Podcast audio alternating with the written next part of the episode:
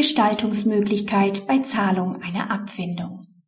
Die Arbeitsvertragsparteien können die ursprünglich vorgesehene Fälligkeit der Abfindung auf einen späteren Termin verschieben und so den steuerlichen Zufluss der Abfindung abweichend gestalten. Der Arbeitnehmerin steht wegen der Beendigung ihres Arbeitsverhältnisses mit der Arbeitgeberin eine Abfindung von 75.000 Euro zu. Der Sozialplan bestimmt, dass die Abfindung mit rechtlicher Beendigung des Arbeitsverhältnisses fällig wird.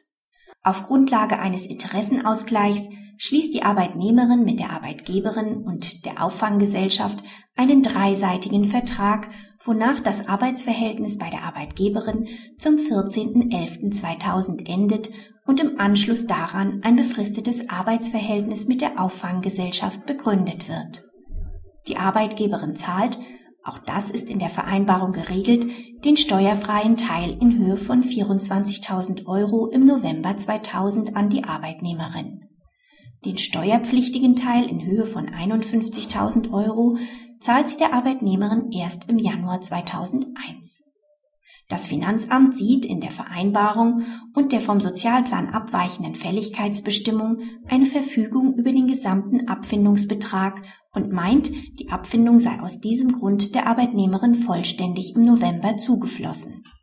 Die Arbeitnehmerin klagt gegen den Steuerbescheid vor dem Finanzgericht und bekommt Recht.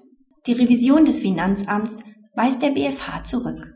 Einnahmen sind in dem Kalenderjahr bezogen, in dem sie zugeflossen sind. Das heißt, sobald der Steuerpflichtige über die Einnahmen wirtschaftlich verfügen kann, was bei der bloßen Fälligkeit eines Anspruchs noch nicht der Fall ist. Gläubiger und Schuldner einer Geldforderung können mit dem zivilrechtlichen Erfüllungszeitpunkt auch die steuerliche Zuordnung zu einem bestimmten Veranlagungszeitraum gestalten. Die Arbeitsvertragsparteien können den Fälligkeitszeitpunkt einer Abfindung grundsätzlich auch abweichend vom Beendigungstermin des Arbeitsverhältnisses regeln, wenn ihnen dies steuerlich günstiger erscheint. Dann muss es ihnen aber auch unbenommen bleiben, eine bereits getroffene Fälligkeitsregel nachträglich aber noch vor Entstehen der Abfindungsforderung abzuändern und einen neuen Fälligkeitstermin zu bestimmen. Darin liegt keine Disposition über die Forderung, die einen steuerlichen Zufluss begründet. Praxishinweis. Die Entscheidung macht deutlich, dass Arbeitgeber und Arbeitnehmer bei der Gestaltung von Abfindungsvereinbarungen auch steuerliche Überlegungen mit einfließen lassen sollten. Sie können etwa durch Aufteilung oder Ratenzahlung die Abfindungsleistung auf einen für den Arbeitnehmer günstigen Zeitpunkt legen.